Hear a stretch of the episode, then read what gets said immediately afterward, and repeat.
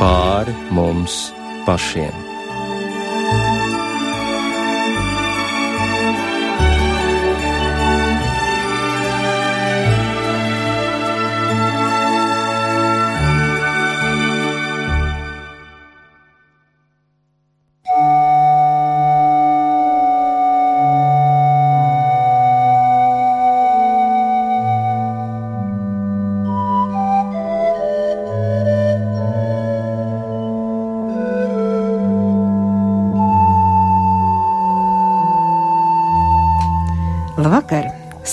Raidījums pāri mums pašiem.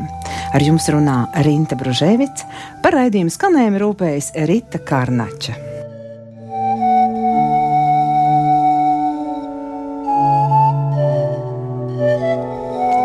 Šodien svinām mātes dienu, tāpēc sveiciens visām māmiņām svētkos.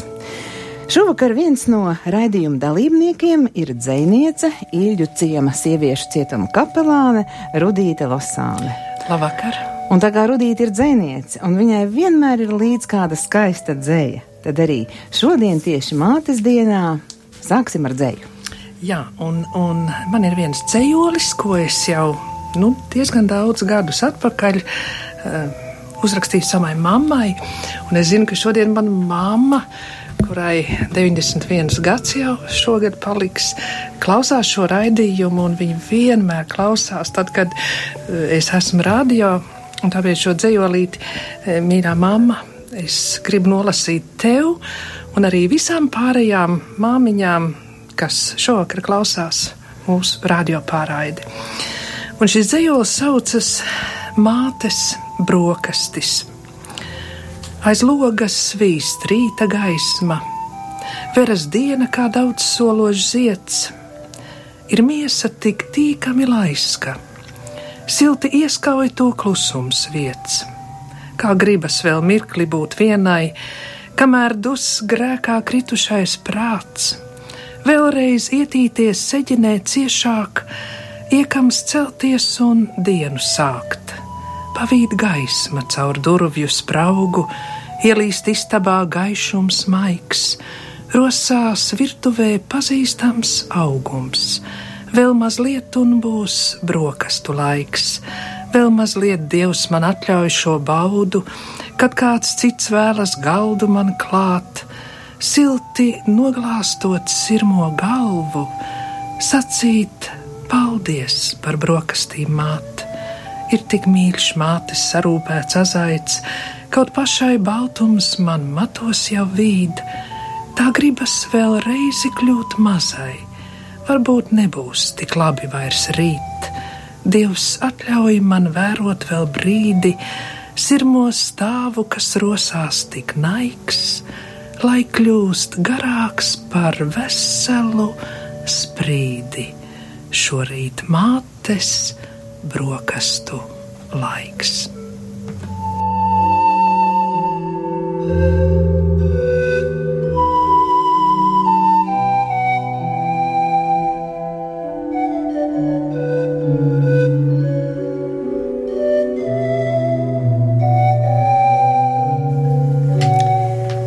Ticība, cerība, mīlestība.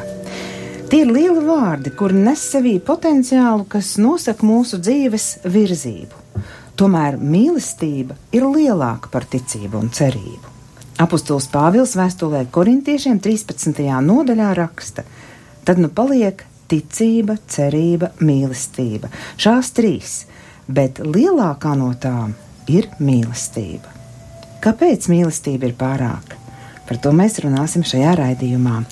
Otrs raidījuma viesis ir Valmieras Vasarsvētku draudzes atklāsme mācītājs, izglītības iestādes universuma direktors Andis Apsītis. Labvakar! Tātad sāksim ar ticību. Tā ir minēta kā pirmā, lai gan netik liela, teiksim, tā kā mīlestība, bet tomēr tā ir savu vērtību. Un kur tad slēpjas jūsuprāt ticības vērtība? Nu jā, man šķiet, ka kad runā par ticību, tā, tad dažkārt mēs domājam par to, ka, ka, ka dažkārt cilvēks spriež, ka Dievs sēž tajā kalnā, un tad ir tie daudzie ceļi, un ka Dievs uh, uzlūko katru ticību ar lapatiku, un galvenais, ka mēs pēcgalā nonākam pie tā Dieva, kurš tai kalnā tur ir. Un bez ticības, kā bez tādas ikdienas sastāvdaļas, patiesībā mēs nemaz nevaram eksistēt. Un katram ir vajadzīga kaut kāda ticība, lai vispār kustētos, jo darīt to, ko, ko mēs esam ikdienā veicam un ko mēs, ar ko mēs esam nodarbināti, mums ir vajadzīgs kaut kāds pamats. Un, un ja mēs turpinām šo simbolisko līdzību par to kalnu un dievu, tad uh, var gadīties, ka sastopot to dievu, kurš ir bijis mūsu iedoma auglis, var būt liels sarūktinājums. Jo mēs redzam, ka pasaulē ticības brīvība šobrīd uh, paver iespējas ticēt daudzos ceļos, un iet daudzus ceļus, un, un ticēt dievam, vai šā vārda domājat ļoti daudz un dažādas nozīmes.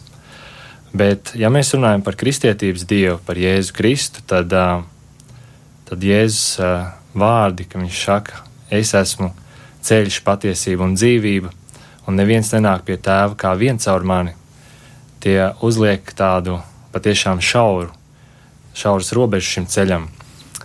Un uh, es esmu runājis ar cilvēkiem un izaicinājis viņu šajā jautājumā.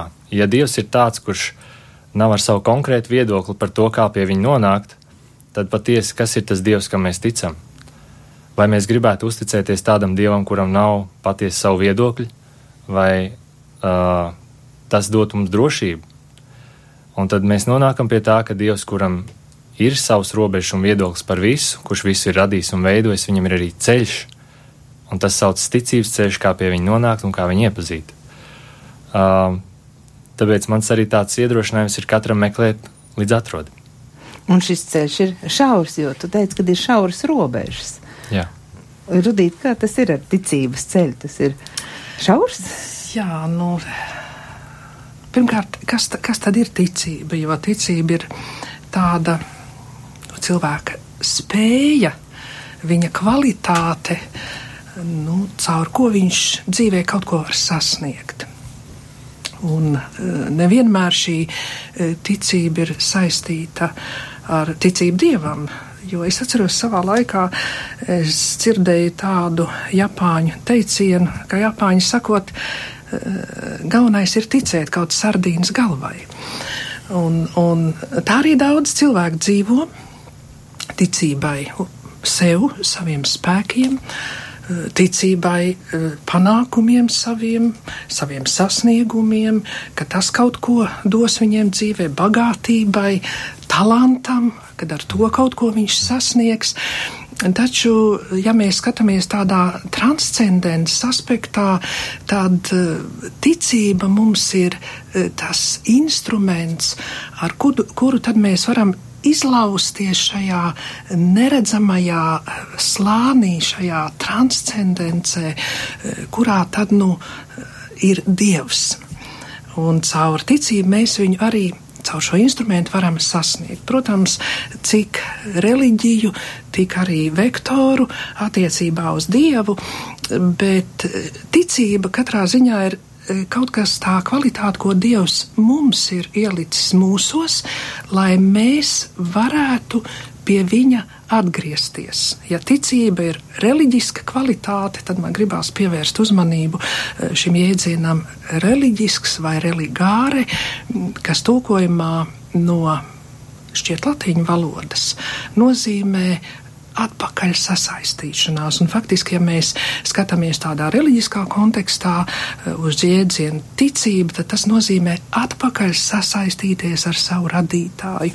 Un ticība arī ir tas instruments, lai mēs varētu pārvarēt tās barjeras, to barjeru, kas mums traucē ar, ar Dievu sasaistīties. Un, un ja mēs skatāmies, ko tad ticība, kādu nozīmi nes, un tīri semantiski, ko tas nozīmē, un ja tiešām tā ticība mums ir vērstībā uz šo Dievu kā radītāju, un te jau arī uh, mācītājs minēja, kā arī kā Dievu kā pestītāju, tā jau tādā kristīgā kontekstā tad ticība sevi ietver gan atzīšanu, es atzīstu, ka tāds dievs ir, es viņam uzticos visam, ko zinu par Dievu, ko viņš man ir apsolījis, un es arī viņam esmu uzticīgs. Un tad man liekas ļoti svarīgi runājot par ticību uz to dievu, kam mēs ticam kristieši. Jeb kā vecajā derībā ir teikts, Abrahama, Īzaka un Jēkaba dievu, tad ļoti svarīgi ir pateikt, ka ticība ir paļaušanās uz neredzamo. To, ko mēs redzam, to, ko mēs spējam sataustīt, dzirdēt, redzēt, eh, tad tur jau vairs ticība nevajag, tur mums vajag zinātnisks argumentus, lai pierādītu, jā, bet tās neredzamās un eh, tās nepierādamās lietas, ar kurām mēs sastopamies, un tā ir garīgā pasaule, eh, tur, lai mēs varētu dzīvot ar šo garīgo pasauli, roku rokās mums ir vajadzīga ticība. Mm -hmm. Jā, man šķiet, ka grūtākais ir tā paļaušanās. Jo pavisam nesen kādā sarunā mans ļoti mīļš radio kolēģis teica, bet tu zini, ja es neredzu un nevaru aptaustīt, es tam neticu. Nesaku, ka es esmu skeptisks uz šīm lietām, nu tā es mm. viņam to teicu, bet es neredzu to, tāpēc neticu. Un, Jā, bet ticība ir domāta uz neredzamām lietām, vai ne? Mm. Tur ir tā. Bet ja cilvēks racionāli pieiet, jā, viņš saka, ka es neticu, ja es neaptaustu. Nu, tas ir tas pats neticīgā Toma fenomens, bet, mm. bet Kristus arī viņam atklājās un ļauj to, ļauj to pirkstu iebā, iebāzt gan rokas brūcēs, gan sānu brūcē. Mm. ja tad pirms ticības varētu būt tā kā paļaušanās vēl, kas ir vajadzīgs, lai tā ticība aiziet? Nu, teiksim tā, kā es to redzu, ka, kā jau arī Rudīt minēja, tad ticība mums ir vajadzīga tiešām it visur. Un, ja mēs paskatāmies uz tādu vienkāršu praktisku lietu, kā mēs ikdienā lietojam naudu, un mēs zinām, ka ir, ir, ir nauda, kura ir ar vērtību un ir viltota nauda, tad, tad, kad mēs lietojam šo naudu, mēs ticam, ka šai naudai ir vērtība un ar viņu mēs veikalā kaut ko nopirksim un ka būs rezultāts. Bet katrs, kurš ir sastapies ar to, ka nauda ir bijusi viltota, un šo banknotu nav pieņēmuši, un vēl vairāk varbūt tiek izsaukt policija un tam līdzīgi, tur parādās vēl viens aspekts ticībai, ka ir šī apdedzināšanās. Un es domāju, ja mēs runājam atkal pārnesot to uz garīgo pusi, ka daudzkārt cilvēki apdedzinās. Un tad, kad viņi ir apdedzinājušies, tad kaut kur dziļi, dziļi sevī sēž tā doma, bet ja nu šoreiz atkal ir tas viltojums. Un tā vienreiz, otrreiz mēģinot, varbūt trešajai reizei vairs nepietiek spēka. Un, diemžēl jāatzīst, ka dažkārt cilvēki viļas arī kristiešos. Uh, bet es gribu iedrošināt to, kurš šodien klausās, un uh, varbūt tu esi vīlies, ka ka Dievs nav ierobežots cilvēku viedokļos un pat tavās kļūdās un citu cilvēku kļūdās. Mans iedrošinājums tev ir tieši tāds, ka, ja tu uzdosi šo vienkāršo jautājumu, Dievs, ja tu esi atklājies man lūdzu, tāds kā tu esi, tad šis būs tas pirmais šis paļāvības solis, par ko jūs runājat, ka uh, Dievs, ja viņš ir dzīvs un ja viņš ir persona, tad uh, viņš dzird šo tavu lūgšanu, vai tā ir klusībā teikt, vai balsī teikt, bet galvenais, lai tā nāk no tīras sirds. Un tad Dievs var darīt arī to, ko Viņš ir solījis. Viņš var atklāt sevi, un ceļš var turpināties. Un tas ir ticības dzimšanas brīdis, acīm redzot. Jā, un, un es domāju, tas ir ļoti svarīgi, ja uh, cilvēks uzdod šādu jautājumu, Dievs, tu man atklājies, tad tomēr ir ļoti svarīgi zināt uh, to atklāsmes grāmatu, kurā Dievs jau ir atklājies, lai mēs viņu atpazītu, jo mēs zinām, ka um, līdztekus Dievam, kas ir radošs, kreatīvs, pestījošs, ir, ir viņa pretinieks Satanas, ja, kas ir eh, ebreju vārds, kā, un arī tūkojas kā Dieva pretinieks, eh, kas ļoti, ļoti grib tēlot Dievu. Ja? Un, un, un tāpēc runājot par ticību, man gribās akcentēt to, ka šis jēdziens, eh, kā tiek lietots vecajā derībā, kā cilvēks izprot ticību vecās derības kontekstā un jaunās derības kontekstā. Vecās derības kontekstā Izraels dieva tauta, viņi ticēja, ka Dievs ir ka Dievs viņiem atnesīs mieru, ka Dievs viņus atbrīvos no ienaidniekiem, jo, ka Dievs izvedīs uz apsolīto zemi, un tā ticība bija saistīta arī ar upurēšanu. Viņi upurēja un ticēja, ka Dievs caur upuriem viņiem piedos grēkus, un, un, un principā vecās derības kontekstā tad tai ticībai bija mazliet citādāks izpildījums. Bet jaunajā derībā, kā Jēzus Kristus, Kristus parādās uz skatuves, kā jau izaudzis, pieaudzis Dieva dēls, eh, pirmais, ko viņš pēc kristībām saka, kad viņu kristīja Jardānā Jānis Kristītājs, viņš saka, atgriezieties no grēkiem un ticiet uz evaņģēliju. Un šeit parādās pavisam jau cita nozīme, kam mums jātic. Un ja mēs gribam zināt, kam tad mums jaunās derības kontekstā jātic, kad Jēzus Kristus sevi pozicionē kā Dievu un pasaka, es un Tēvs mēs esam viens, tad mums ir jāzina, kas ir evaņģēlijas. Un evaņģēlijas mums pastāsta vienu unikālu lietu, kas attiecas uz ticību, ka tagad tas, ko vecās derības tauta darīja caur upurēšanu, caur dažādiem rituāliem, lai iegūtu šo mieru ar Dievu. Šo iekšējo atbrīvošanos mēs tagad visu varam sasniegt ticībā. Un, un redziet, cauri gadsimtiņiem arī cilvēks pazaudēja šo izpratni par ticību, ka ticībā viss ir sasniegams, sasniedzams. Un tāpēc arī 16. gadsimtā Luters nāca un atkal salika no jauna šos akcentus un teica, vienīgi ticība, nekas mums nav vajadzīgs, ka ticībā, kā piemēram Jāņa evaņģēlijā ir teikts, ka caur Jēzu Kristu mēs ticību ticībā pārvaram nu, nepārvaramas bezdibeņas. Piemēram, mēs nonākam no tumsas gaismām. Nu, tās ir divas metafāras, mēs varam tikai apcerēt, ko tas nozīmē mūsu dzīvē. Ticībā mēs nonākam no nāves dzīvībā. Kāds instruments ir ticība jaunajā derībā, ka tas ir piepildīts ar Jēzus Kristus darbu, nāvi un augšām celšanos. Un, un vēl vairāk ticība ir tā, kas jaunās derības kontekstā mēs to noteikti runāsim vēlāk, aizved mūs no tādas cilvēciskas mīlestības pie mīlestības, kas ir Dievs. Mm. Un to mēs noteikti vēlāk runāsim.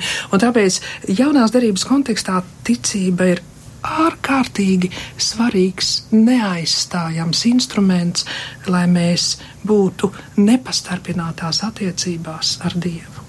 Jā, tad, tad ticība savieno mūs ar jā. pašu radītāju, un tas Tieši notiek. Tā, bez savu... kādiem rituāliem, jā. bez upuriem vairs, jo stāv mm. Jēzus Kristus upuris, un mm. ticība tagad ir burtiski tas atvērtais ceļš, uh, ar kuru mēs at, atpakaļ sasaistamies ar Dievu. Viss ir izdarīts. Jā, mums vairs nav jāņem uh, sagrēkojot. Uh, tas balodis vai, vai, vai, vai, e, vai vērsis un jānes uz templi un jāupurē. Dievs ir ļoti atvieglojis šodien ceļu, lai mēs varētu viņu iepazīt. Uh, Izraēla tautai patiešām tas bija daudz smagāks ceļš. Bet šis ceļš tiešām parādīja to, ka, ka cik liela vērtība ir Kristus upurim, ja nebūtu šis ceļš pirms tam, tad arī nebūtu šīs lielās vērtības, kāda mums šodien ir. Un katram Dieva bērnam jāatzīst, ka uh, Jēzus upuris nav vienkārši uh, kaut kas, kas uh, ir reiz noticis, un, un, uh, un viss, bet tam ir liels svars.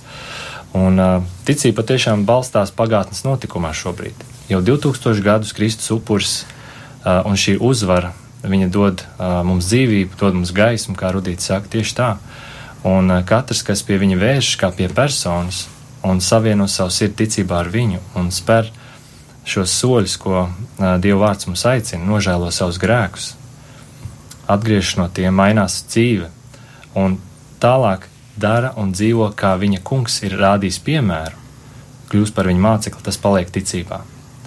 Un tā ir šodienas atslēga, ka uh, ne tikai sākt, ne tikai iesākt iet, bet palikt ticībā. Tas ir daudziem liels izaicinājums. Jā, un te man jāpiemētina viena lieta, ka tā ticība, lai viņa tiešām būtu vērstībā uz Dievu radītāju, dievu uzturētāju un dievu pestītāju, tad šai ticībai ir jānāk mūsos no svētā gara. Mm. Un tas ir arī ļoti svarīgs aspekts, jo mm, pirmajā vēstulē korintiešiem pirms tās 13. nodaļas ir 12. nodaļa, kur Pāvils stāsta par svētā gara dāvanām, kas ir deviņas, un šīs nodaļas ir savstarpēji saistītas, jo um, tajā laikā korintiešu draudzē, nu, tur tiešām bija tās svētās gara dāvanas, un viņi bija ļoti lepni ar šīm dāvanām, un, un, un vienkārši jau sacentās savā starpā un lepojās, un Pāvils, protams, uzsaka, ka šīs dāvanas ir vērtība, taču viņš raksta 13. nodaļu un saka, mīļie, bet tas viss zudīs un paliks tikai mīlestība, un ir kaut kas vairāk par to. Un tomēr tas ir ļoti svarīgi, ka bez šīs svētā gara dāvanas, vienas no dāvanām, kas ir ticības dāvana, mēs nespētu uh, arī tā runāt par Dievu. Jā, tas ir no svētā gara nākošs instruments, lai mēs varētu būt kopā ar savu kungu. Un vēl eh, sakot arī. Uh, Te jūs minējāt, eh, nu, ka šodien nevajag upurēt vērsi. Nu, es domāju, ka neviens jau vērsi eh, vismaz Latvijas kontekstā neupurēs, lai vienotos ar, ar Dievu, lai atkal at, at, sasaistītos. Bet viena lieta gan ir, ka cilvēks domā, ka viņš pie Dieva var iet tikai tad, ja viņš kaut ko labu izdarīs. Es esmu runājusi ar, ar cilvēkiem, nu, kāpēc viņš neiet baznīcā, kāpēc viņš neaiziet uz dievkalpojumiem. Un bieži vien ir atbildi, ai, es nejūtos tik tīrs, lai es ietu baznīcā, es nejūtos tik labs. Un, un te ir tas, ka tev ir jātic, ka e, ne jau tādēļ, ka tu būsi labs, ka tu kaut ko labu izdarīsi, ka tu kaut kādu nu, darbiņu pienesīsi dievam, dievs tev pieņems, bet Tādēļ viņš tev pieņems, ka tu viņam tici.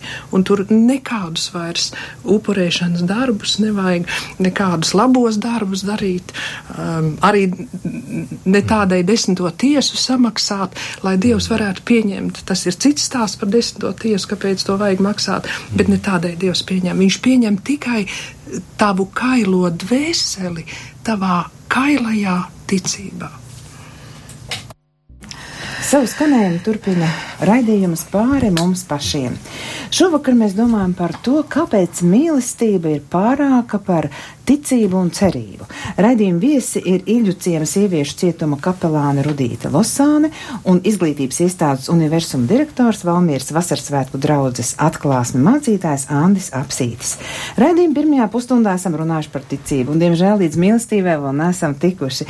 Un mūsu pārdomas par ticību galven, galvenie akcenti šajās pārdomās bija, ka bez tās mēs eksistēt nevaram, ka ticība tas ir ceļš, pa kuru iet katrs cilvēks, kas vēlas uh, sastapties un atjaunot savas attiecības ar radītāju, caur ticību vispār cilvēki kaut ko var sasniegt. Un tā ir paļaušanās uz neredzamo, neredzamo. Un arī no ticībā mēs no tumsas nonākam gaismā, no nāves dzīvībā, un tas ir arī ceļš, kas aizved mūs no cilvēciskās mīlestības uz dievišķo mīlestību. Un svarīgi ir palikt ticībā. Un kā tā ticība pie mums atnāk, tā ir svētā gara dāvana. Tā raidījuma viesi akcentēja šeit galvenās domas par ticību. Vēl mums ir īsi par cerību jāizrunā. Varbūt kādreiz uztaisīsim raidījumu un garāk runāsim tikai par cerību, bet tagad tomēr padomāsim arī par to, jo mēs balstāmies uz uh, vārdiem, ku, kas ir rakstīti Pāvila vēstulē korintiešiem 13. nodaļā, kur apustuls Pāvils saka, tad nu paliek ticība, cerība, mīlestība. Šās trīs, bet lielākā no tām ir mīlestība. Bet tātad par cerību. Nu, tautā cilvēki dažādi runā par cerību. Kādi saka, ka cerība ir muļķmierinājums, savukārt citi, ka cerība mirst pēdējā. Nu, kas tad īsti ir cerība un tieši arī kristīgā cerība. Ja? Jo mēs šajā raidījumā mūsu pamats, uh, analizējot lietas, domājot par dzīvi, par attiecībām, ir tomēr svētie raksti. Tāpēc kristīgā cerība, kas tā tāda? Nu jā, tā ir, kad mēs ticam, bet ne jau viss uzreiz notiek. es atceros, tesaloniķieši viņi gaidīja, kad viņu dzīves laikā Kristus nāks otrais, un viņi pat atteicās strādāt, viņi, viņi vairs nedzīvo aktīvu dzīvi, un tad Pāvils rakstīja viņiem vēstuli un teica apmēram tā, nu beidziet šeit muļķoties un sāciet strādāt, ja, un, un tiešām arī pats Pāvils gaidīja, ka, ka Jēzus patiešām atnāks drīz vien, ja viņam dzīvam esot, un tā nebija. Un, un ir bieži mēs arī skatāmies pirmkristiešu draudzēs, sākot ar, ar Nērona laikiem. Romas imperatora Nērona laikiem sākās milzu kristiešu vajāšanas, un, un tad, lai viņi savā ticībā um, noturētos, viņiem bija vajadzīga cerība. Un cerība, tā, tas ir atkal tāds dieva dotais instruments, kurš palīdz tev kā tāds glābšanas riņķis noturēties grūtos apstākļos, pārbaudījumos, lai tu nepazaudētu savu ticību. Tas ir ciešā sasaistē kā tāds pavadonis ticībai. Un, un interesanti ir tas, ka grieķu valodā, septuagintā vārds cerība ir vairumā lietots kā hupomeno, Un tūkojumā uz latviešu valodu tas nozīmē gaidīt, ciest, iznēsāt. Ja, šie, šie sinonīmi mums liecina, nu, kas tad ir tā cerība. Tas nav tikai nu, tāds muļķis mierinājums, bet tas ir nopietns eh, tavas domāšanas, rīcības, izvēles akts - gaidīt, ciest un iznēsāt. Un atkal jaunajā darbā, grieķu tekstos, ir lietots tāds vārds, darbības vārds kā elpizo un, eh, un, un lietvārds kā elpis. Un tas ir vairāk saistīts ar uzticēšanos. Kad es uzticos tiem dieva apsolījumiem, nav vairs tas akcents uz ciešanām, gaidīšanu un iznēsāšanu, bet redziet, jaunās derības konteksts atkal izmaina šo cerības semantiku. Ja? Es uzticos. Bet, protams, tas arī neizslēdz, ka, ka manā ticības dzīvē būs daudz pārbaudījumi, kurā tad tiešām šī ticība būs jāiznēsā cauri laikam. Mm -hmm. Jā, un pavisam interesanti veidojas arī šī saikne ar, ar ticību uz atpakaļ. Ja mēs skatāmies, tiešām ticība balsta sevi tajā, kas reiz ir noticis, un kā mēs jau runājām par to, ka patiešām šī lielā uzvara pie Golgātas krusta par grēku, pār tumsas varu un par, par nāvi pat, ja, tas ir pagātnes notikums, kur pretīm, ja mēs skatāmies uz cerību, tas ir tas, ar ko cilvēks dzīvo šodien un kamā viņš rosās.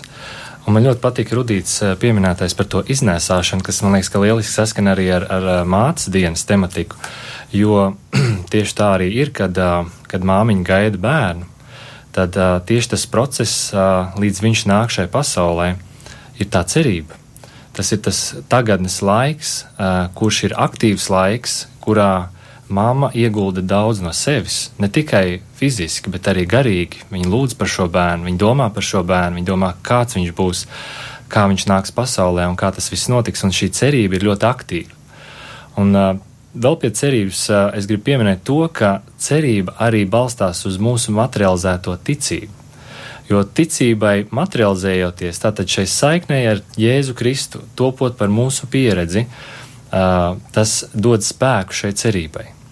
Jo ticība nav pati par sevi, tas, tas tā ir vienkārši skaņa. Un līdzīgi kā Pāvils arī šajā nodaļā par to daudz runā, viņš saka, ka, ka ko gan līdz, gan šīs gara dāvanas, gan, gan tas, kas notiek, ja, ja, ja tas neaizved līdz tai pilnībai, par ko mēs mazliet vēlāk runāsim, līdz mīlestībai. Un manā skatījumā cerība ir tieši šis ceļš, aktīva darbošanās tajā, kam tu esi noticējis, bet šodienas, šodienas izpratnē, klātbūtnes izpratnē. Un tā es domāju, ka katram, kurš nāk pie Dieva un uzticas viņam, iegūstot šo pieredzi, viņam vajadzētu iegūt to gandarījumu no tā, ka šī cerība ir, ir viņu pašu pabarojusi. Māma, kas ir dzemdējusi bērnu, viņa patiešām izējot cauri šim, šim prieka brīdim, uh, aizmirst momentāli visus šos grūtumus, aizmirst momentāli visu to smagumu, kas bija bijis līdz tam. Un tas ir ļoti īpatnēji, kā Dievs to ir mūsos ielicis, kad mātes uh, sirdī, gan, gan arī jebkura cilvēka sirdī, ka cerība dod mums spēku iet tālāk un pat atkārtot to pieredzi, kas šķiet, ka mums bija smaga, grūta un, un, un varbūt arī problemātiska kādos brīžos. Tāpēc cerība ir tā aktīvā tagadnes pozīcija, kurā es aktīvi darbojos ar skatu uz priekšu, bet balstoties uz to pagātnes notikumu un manu pieredzi saistībā ar to. Laiks pāriet uz mīlestību. Un kas tad veido to mīlestības lielumu? Kāpēc apustulis Pāvils raksta, ka lielākā no uh, par ticību un cerību ir mīlestība? Man liekas, tad te uzreiz jau mēs aizejam pie tā kodola, um, pasakot, kāpēc mīlestība ir lielāka, tāpēc, kad uh, Bībelē ir rakstīts, ka Dievs ir mīlestība. Un nevis Dievs ir kaut kāda garīga būtne, kas mīl, bet viņš ir mīlestība. Un caur šo mīlestības lētu skatoties uz Dievu, un ja tu tiešām tici to tam, un, un saproti, tad arī gan lasot veco derību, gan jauno derību, gan arī skatoties, kā Dievs darbojas tavā dzīvē, tu saproti, ka viss tavā dzīvē notiek saistībā uz to, lai tevī atklātos šī dieva mīlestība. Arī ciešanas, arī pārbaudījumi, arī zaudējumi, arī slimības. Viss, kas tavā ceļā ir, ir um, līdzeklis, lai tu sastaptos ar šo dievu mīlestību. Un tas ir tas lielākais. Dievs ir mīlestība, nevis Dievs dod mīlestību vai dara mīlestību. Un nekas jau nav lielāks par Dievu. Protams, mēs katrs viņu izprotam savādāk, ja mēs tagad salīdzinātu, kā mēs mm, redzam Dievu, kā mēs sajūtam, kā mēs viņu izprotam. Ticiet man, visas teoloģiskās atziņas bankrotēt tā priekšā, jo mēs ļoti dziļi, ļoti individuāli un ļoti personiski saprotam, bet tādu dievu mēs pazīstam un tādu dievu mēs mīlam. Ja, un, un tas ir piedodams, ja, kad šī mūsu mīlestība attiecībā uz Dievu iespējams neatbalsta kaut kādiem disertācijas standartiem par to, kas tad ir Dieva mīlestība. Tā ir mūsu personiskā izjūta, un tā ir nemaldīga. Un tas ir tas lielākais arī, ko mēs savā dzīvē varam piedzīvot. Jo visi šie instrumenti, ticība, cerība ir vajadzīga, lai mēs pārvarētu šo atšķirību uh, attiecībā uz Dievu. Un mīlestība ir tas, ar kuru mēs pārvaram. Nav cits veids, kā mēs varam pārvarēt nošķirtību starp cilvēkiem un starp cilvēku un Dievu. Tikai un vienīgi tā ir mīlestība. Bet jautājums, kas ir mīlestība? Te mēs daudz kur klūpam, jo bieži vien mēs domājam, ka tās ir jūtas un sajūtas, bet izrādās, ka tas tā nav. Mm. Jā, kas tad ir mīlestība? Jā, nu šeit es jau vairāk arī kā vīriešu cilvēks varu teikt, ka manā uh, arī pašu pieredzē, kā es esmu veidojis attiecības ar Dievu un redzējis, kāds ir šis ceļš arī citiem. Uh, es domāju, ka, ja mēs runājam par tādām mīlestības izpausmēm, runājot par Dievu, patiešām kā par personu, kura būtība ir mīlestība, tad ir svarīgi minēt, ka tai mīlestībai ir jābūt praktiskai. Tas nozīmē, ka mīlestība nav kaut kas uh, atdalīts no reālās dzīves, uh, gan dieva personā, gan mūsu ceļā, kā mēs izdzīvojam šo dievu mīlestību. Jo es domāju, ka uh, Dieva vārds ļoti daudz, daudzās vietās to arī stingri nopamato, ka ja tavs brālis ir kails un viņam vajadzīga dienasčā maize un apģērbs, tad uh, ko tas līdz, ka tu viņam saki, ej, un viss tev būs labi? Uh, ka šī mīlestība vispirms nav vārdi, bet darbi. Un uh, tur es domāju, ka tas ir. Uh, Rakstos ir ļoti skaidri atklāts, ka ir šī pirmā mīlestība, kura patiešām, kur darbi runā ļoti skaļi. Bet bieži vien laikam ejot šī mīlestība, kurai ir runāta caur darbiem, sāk lēnām noslīdēt uz to, ka tikai paliek vārdi. Un tur ir šis izaicinājums, kur arī Jēzus uzrunājot septiņas draudzes, viņš atklāsmes grāmatās, septiņu draugu eņģeļus, viņš tieši šo lietu arī pārmet, ka tev jāatgriežas atpakaļ pie šīs pirmās mīlestības. Un es domāju, ka tas ir katra mūsu izaicinājums, lai šī mīlestība nebūtu tikai vārdi un skaņa, par ko arī Pāvils runā uh, pirmajā vēstulē korintiešiem 13. nodaļā. Viņš daudz par to runā, kas ir mīlestība. Un ja mēs skatāmies no prakses un teorijas, tad pamatā viss, ko viņš saka, tā ir praksa. Tas ir tas, ka, ko tu dari. Man patīk šis teiciens, sludiniet evaņģēlīju, un, ja nepieciešams, lietojiet vārdus. Es nevaru dot atsauci, kas to ir teicis, bet tie ir brīnišķīgi vārdi, kas apliecina to, ka mīlestībai jābūt ļoti praktiskai, lai viņi patiešām arī otram varētu nodot. Un vēl šī otra atsauce, kas nāk manā sirdī, ir uh, uz to, ka mīlestība ir patiesība. Un uh, šeit arī tieši kristiešiem daudzkārt šo pārmet, ka viņi runā patiesību uh, it kā bez mīlestības. Bet šos divus nevarētu atdalīt un nevajadzētu atdalīt, jo uh, pats Jēzus ir teicis, ka, ka mēs būsim viņa priekšā, viņš netiesās, tēvs netiesās, bet viņa vārds tiesās. Mūsu visu dzīves būs salīdzināts ar to, kas jau ir uzrakstīts, mīlestībā mums iedots, kā Dieva vārds, un tad vienā dienā, ko sauc par augstās tiesas dienu, notiks tikai viena un vienkārša lieta - tiks notikt šī salīdzināšana. Un tur ir šī svarīgā nozīme tam, ka mīlestība neklusē mīlestība runā patiesību.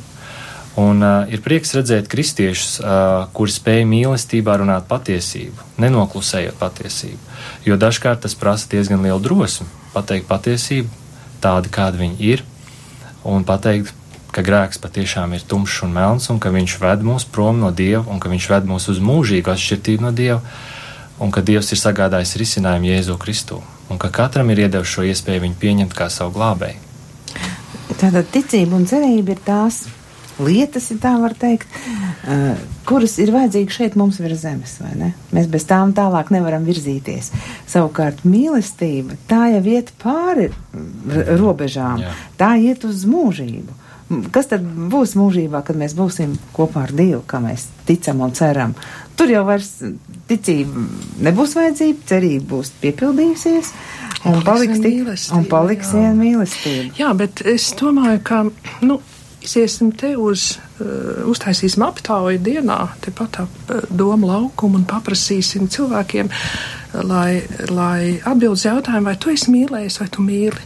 Un es esmu pilnīgi pārliecināta, ka visi cilvēki pateiks, es mīlu, es esmu mīlējis un es mīlu. Un te ir tā.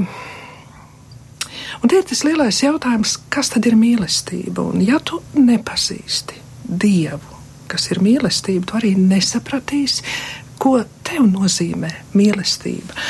Jo Bībelē ir četri vārdi, kas raksturo mīlestību, kā tā izpaužas. E, pirmais vārds ir mīlestība, fili, fili, filijā, kas ir savstarpēji cilvēku dvēseļu mīlestība, ka mēs viens otru mīlam, otru cilvēku dvēseli. Tad ir tā mīlestība, ko apzīmē ar vārdu storgē, un tā ir mīlestība, ar kādu vecāki mīl savus bērnus. Tad ir mīlestība eros, bet tas nav bībeles vārds, tas ir vairāk paņemts no grieķu literatūras, bet tas apzīmē erotiskā mīlestība starp laulātajiem, starp vīrieti un sievieti. Un tad vēl ir tāds vārds kā agapē, kas runā par to lielo mīlestību, kura nezūd. Un tā ir šī mūžīgā mīlestība. Un Pate, un es gribu ar dažu vienu tādu pierādījumu apliecināt, ka nu, tiešām ne jau uh, cilvēki prot mīlēt ar šo mūžīgo mīlestību. Nu, piemēram, uh, kad divi jaunieši nolēma apprecēties. Ja? Nu, viņi sola mūžīgu mīlestību, bet, kad mēs paskatāmies statistikā, tad 61% pēc tam izšķirās. Ja? Tā tad tā nav bijusi tā mīlestība, kas nezūd. Tā ir bijusi šī dvēseles mīlestība, kura ir pazudusi. Un tāpēc mēs nebrīnamies, ka arī vecāki pamet savus bērnus. Tur nav šī storgē, kas būtu, var teikt, tā uh, iegremdēta agāpē šajā mūžīgajā mīlestībā. Draugs nodod draugu, tur nav šī filija mīlestība, tur ir bijusi kaut kādas personiskas vajadzību apmierināšana vai savādāk. Tā kā ja mēs tā parunājam, tad tā, tā mīlestība, par ko mēs šodien runājam, par ko Pāvils runā, tas ir kaut kas vairāk nekā cilvēks spēja darīt ar savu dvēseles spēku. Un agāpes mīlestība, pirmkārt, tas ir spēks, radošs spēks, kas ienāk mūsos, kas nāk no dieva, un tālāk, ja cilvēks dzīvo ar šo agāpes mīlestību sirdī, tad viņš praktiski mīl, viņš dzīvo mīlestībā un viņš mīl visus. Viņam ir mīlestība pret visiem, bet, protams, tā mīlestība sadarā, sadalās šajos sektoros - storgē, filija, eros, bet tā jau ir iegremdēta šajā agāpē, un kā centrālais ir šī agāpes mīlestība ja, kas iet tā kā tāds gaismas stars cauri šīm dažādajām mīlestības formām. Ja. Es domāju, kurš gan nevēlētos tā, nu, skaisti mīlēt, patiesi mīlēt, bet eh, kā, kā pie tā nonākt? Dievs ir mīlestība, bet kā lai es tieku pie, pie tā, lai viņš dod man šo mīlestību, ka es arī, nu, lūk, tā ar to agape var mīlēt? Nu jā, bet mīlestība jau nav, nav kaut kas statisks. Tas ir eh, nemitīga darbība. Un, un jāatcerās, ka mēs jau neesam tādi dzidri trauki, kas varēs to mīlestību sevī noturēt. Un, un tās cilvēciskās ambīcijas mūsos ienāks un veidosies kaut kādas krīzes situācijas, un ka mēs paši sajutīsim, ka manī nav vairs ne kripatīs tās mīlestības. Un, un tāpēc jau ir vajadzīga šī ticība, kas te vienmēr pietur pie tiem dieva apsolījumiem, šī cerība, ka tas, kas tevī šodien ir zudis, taps atjaunots, ja tu ticēsi tam.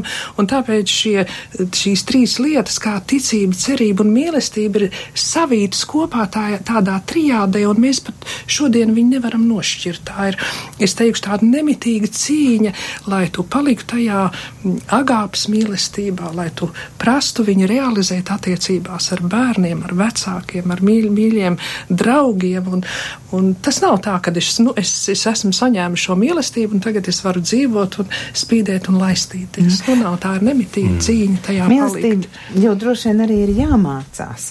Un tā kā šodien ir mātes diena, tad es domāju, mātes un arī tēva mīlestība ir mūsu pirmie mīlestības paraugi, ja, kur mēs vispār to sajūtam, mm. sākam par to domāt. Nu, tad īsi vēl parunāsim par to, kas tad raksturo šo mīlestību, kādai būtu jābūt mātes mīlestībai, tēva mīlestībai. Mm. Es šeit gribētu mazliet no savas profesionālās pieredzes minēt tādus piemērus, ka, kā šī mīlestība ļoti praktiski parādās bērnu dzīvēs. Mēs kā kristīga skola sadarbojamies ar ļoti daudz uh, mājmācībā esošām ģimenēm, un uh, tur es varu teikt, šī ticība, cerība un mīlestība patiešām izlējās pār šo bērnu dzīvēm. Jo kas tad notiek? Tie ir vecāki, kuri ir drosmīgi, lai upurētu daļu no savas dzīves, lai paši mācītu savus bērnus. Un uh, kur vēl praktiskāk parādīt dievu mīlestību kā ar savu klātbūtni. Uh, mēs dzīvojam sabiedrībā, kurā tiešām viss vairāk vai mazāk mums gribās salikt tā pa kastītēm un, un dzīvot pietiekami ērti un komfortabli, bet mīlestība vistiešākajā nozīmē ir saistīta ar upuri. Tas nozīmē ar to, ka, cil, ka cilvēks kaut ko no sevis atdod. Un katra bērna nākšana ir upurs, jo vecāki zina, ka viņiem paliks mazāk laika. Un tad nākamais solis ir, kas tad viņus audzinās. Kas tad ieguldīs savu sirdi viņos un ieguldīs savu dzīvi? Un, ziniet, pirms šī laika, kurā mēs tā esam pieraduši, pirms sociālās sistēmas rašanās, kas ir laba lieta, un pensiju sistēmas rašanās, es gribētu teikt, ka vienīgā pensija, jeb kā mēs to varētu saukt par ceturto pensiju līmeni, vecākiem bija viņu bērni. Un tiešā veidā, kāds būs tavs vecumdienas, bija atkarīgs tieši no tā, kā tu būsi ieguldījis savos bērnos. Un tas laiks paiet ātri.